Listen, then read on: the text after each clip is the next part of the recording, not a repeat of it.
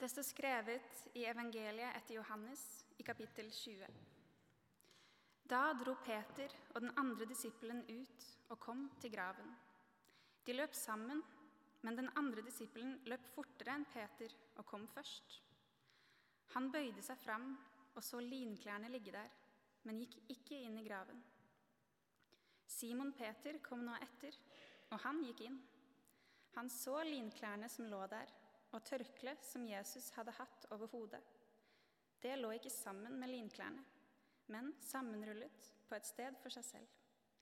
Da gikk den andre disippelen også inn, han som var kommet først til graven. Han så og trodde. Slik lyder det hele evangeliet. I eh, 2015, etter nok en eh, skolemassakre på en amerikansk skole, går president Barack Obama opp på talerstolen i Det hvite hus. Og i fortvilelse over de stadig gjentakende skoleskytingene utbryter han Somehow this has become routine. Dette forferdelige har skjedd. Igjen. Og nyhetsrapporteringa er blitt rutine. Presidenten sin respons er blitt rutine. Den manglende, manglende handlinga er blitt rutine. Og Så sier han liksom, ja, hvordan har vi klart å bli numne i møte med dette? Vi kan bli vant til utrolig mye. Den pressekonferansen har liksom brent seg inn i mitt minne som et eksempel på at noe av det verste, det er likegyldighet. Og selv de aller verste og de beste tingene i denne verden kan vi bli vant til. Vi kan ende opp, ende opp med å ta det for gitt. Det blir rutine. I dag har vi hørt de aller beste nyhetene.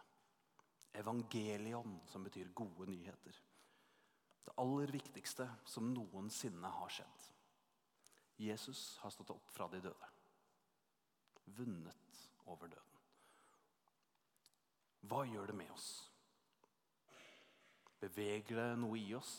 Har vi det i oss som kvinnene til å evne å løpe fra graven jublende glade? Eller er vi blitt litt num numne i møte med dette? Er det blitt en slags rutine å høre det bli sagt i kirka? Og så kan du si, ikke du kan innvende ja, men er det noe å bli glad Dette er Jesu oppstandelse. Si at det er sant. Løser Jesu oppstandelse noen av problemene mine? Noen av de problemene vi sitter med i hverdagen? Til det vil jeg si nei. Og ja. Nei, på det planet vi stort sett befinner oss på, så løser oppstandelsen veldig lite. Den har ingenting å si. Altså, Fristen på samordna opptak gikk fremdeles ut i går. Sorry to say, det er for seint. Og på en mer sånn serious note? De vanskelige relasjonene i livene våre de kommer til å fortsette å være vanskelige, selv etter Jesu oppstandelse. Og den syke som du er glad i, blir ikke nødvendigvis helbreda av Jesu oppstandelse. Så på en måte så har Jesu oppstandelse ingenting å si. Men på en annen måte så har det alt å si. På et eksistensielt plan, på et dypere nivå, her nede, så endrer Jesu oppstandelse alt. Oppstandelsen gir oss et helt annet perspektiv. For om Jesus er herre, altså som i mester over alle ting, at Jesus vinner over mørke og død, så betyr det at vi alle er i Guds mektige hånd. Da kan faktisk planene gå i vasken. Drømmene kan ryke. Smerte og ulykke kan ramme oss. Men uansett så kan vi ikke falle dypere enn Guds hånd. Jesu oppstandelse er på en måte som en guddommelig sikkerhetsnett som spennes opp under hele vår tilværelse. Som gir oss trygghet på at når vi faller igjennom, så faller vi ned i seier. Og det, det er bare for fantastisk. Det er for stort, det er for mektig til å ikke bare være jublende glade. sant? Kristus er oppstanden! Ja, ikke sant? Ja, han er sannelig oppstanden. Det er fantastisk. Og nå ser dere på meg som liksom Er han litt gæren i dag? Og det, det er jeg. Oi. Eh, Jeg skal være helt ærlig, jeg er litt eh, redd for å høres rar ut i dag, for jeg har vært i TC. Uh, TC det ser sånn ut for dere som ikke kjenner det. Det er et sånt fransk kloster hvor det drar tusenvis på tusenvis av ungdom hvert år. Bl.a. for å feire påske. Da. Og Denne påska så var jeg til C med en gjeng fra St. Jakob. Og til C endrer meg alltid litt. Um, og jeg har vært litt stressa for å få det spørsmålet. Ja, hvordan var det til C? Uh, fordi um, Hvordan skal jeg forklare det? på en måte? Jeg sier sånn Ja, det var fint og fullstendig ubeskrivelig. Fordi det er sånn det var.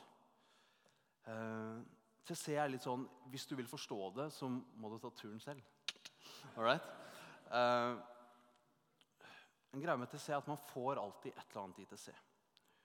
Og for å dele noe som er personlig for meg, så i år så kjente jeg så voldsomt på denne gleden for oppstandelsen.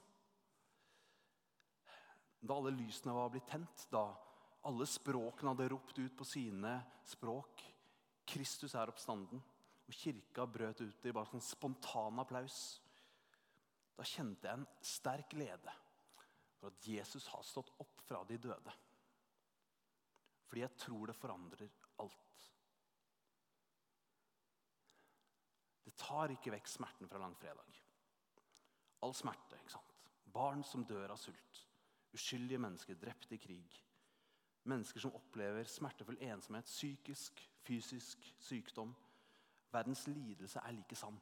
Men det denne hendelsen gjør, er at hver setning som nå skrives om denne lidelsen, da må punktumet byttes ut med et komma. Fordi lidelsen får ikke siste ordet.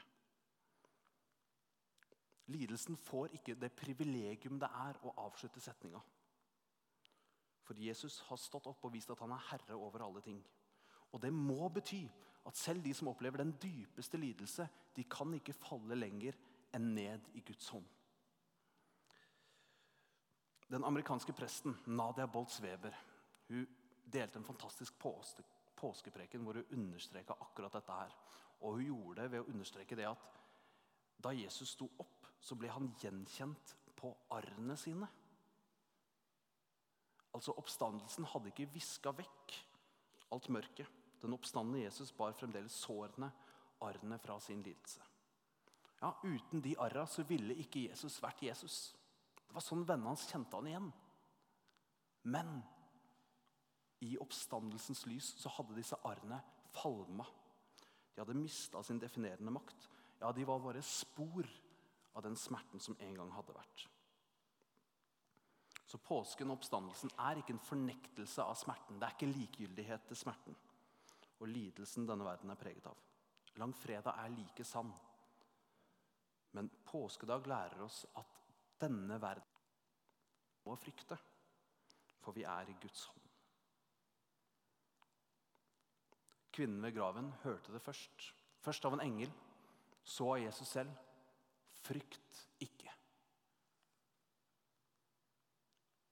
Frykt ikke. Betyr det at vi bare kan drite i alt kjipt som skjer i denne verden? Gud ordner opp, liksom. Det er ikke det det betyr, hvis du ser på de første som får budskapet fra kvinnene. Det er altså elleve disipler som har svikta sin mester, sitter sammenkrøkt, livredde, paralysert, gjemt bak stengte dører. Og så står den oppstandende Jesus midt iblant dem. Frykt ikke. Hva gjorde det med de? Jo, de ble endra. De gikk fra å gjemme seg i frykt til å dedikere livet sitt til å spre lyset. Ja, så overbevist var de om tryggheten dette eksistensielle sikkerhetsnettet ga, at de trossa alt av trusler og lidelser for å gi lyset videre. Ti av disse elleve livredde mennene ble drept for sin tro. Det skjedde noe med dem. De ble endra.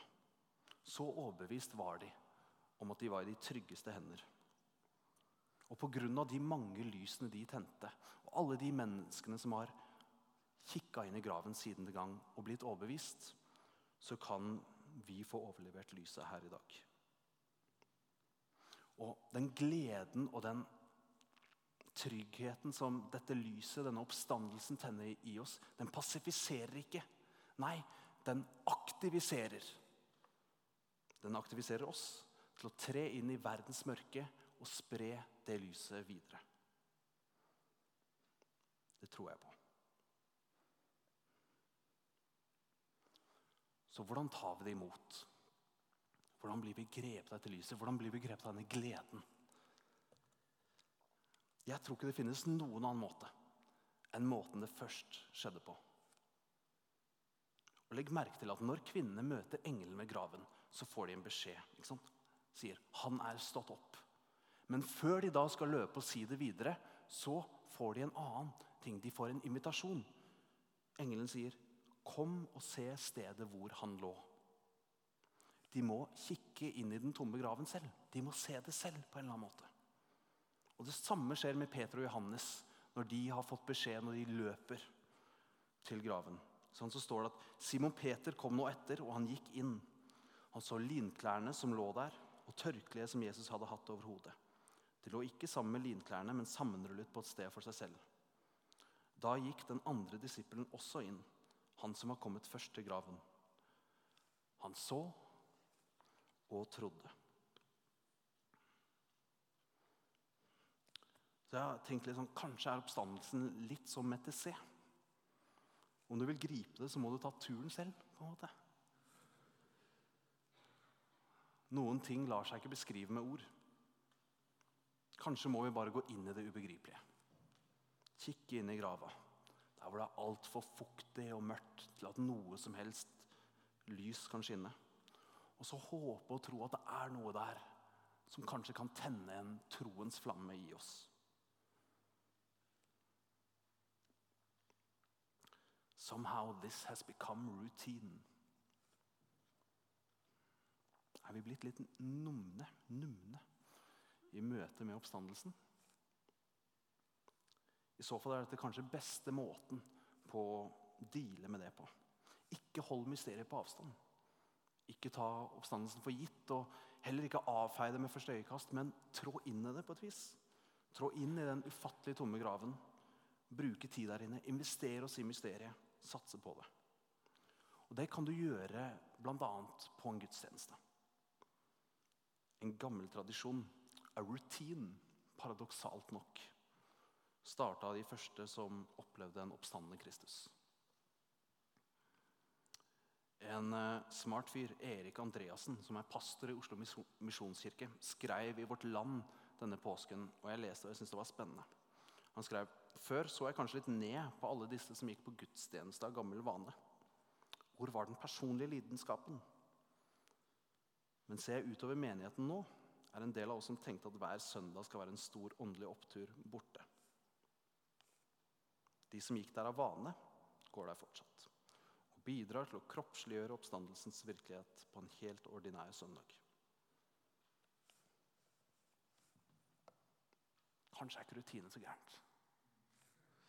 Kanskje er det også noe vakkert i at oppstandelsen er vår ukentlige rutine. En sannhet vi kanskje ikke forstår, men som vi kroppsliggjør, som vi lever i, bare ved å møte opp.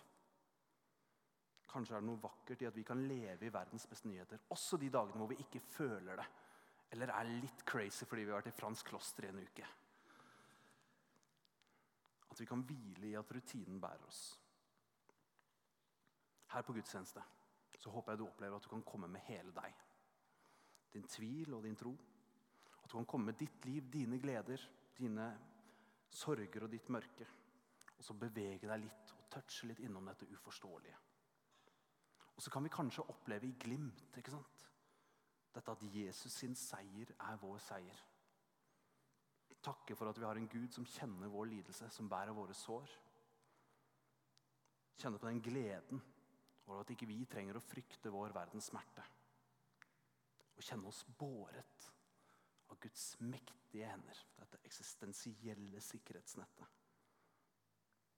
Og at vi derfor kan møte mørket med heva hode og våre små lys tent av det store som skinner alle dager for oss inntil verdens ende.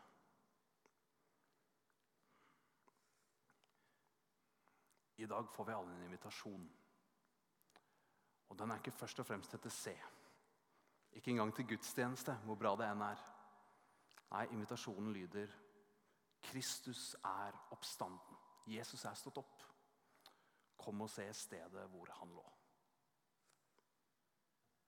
Ære være Faderen og Sønnen og Den hellige ånd, som er, var og blir en sann Gud fra evighet og til evighet.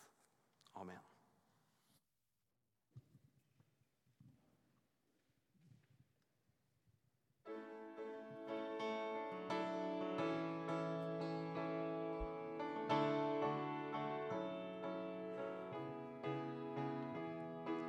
One man wakes, awakens another. Second one wakes his next door brother. Three awake and rouse the town and turn the whole place upside down. Many awake will cause such a fuss. It finally awakes all of us.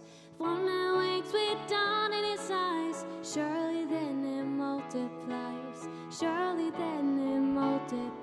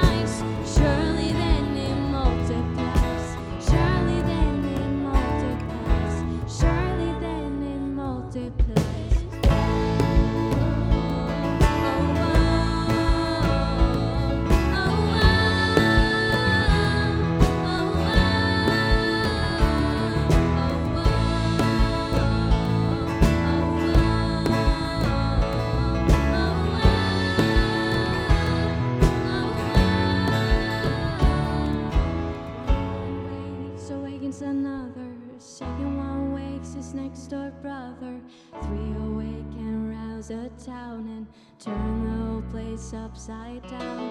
Many awake will cause such a fuss. It finally awakes the rest of us. One man wakes with dawn in his eyes. Surely then it multiplies.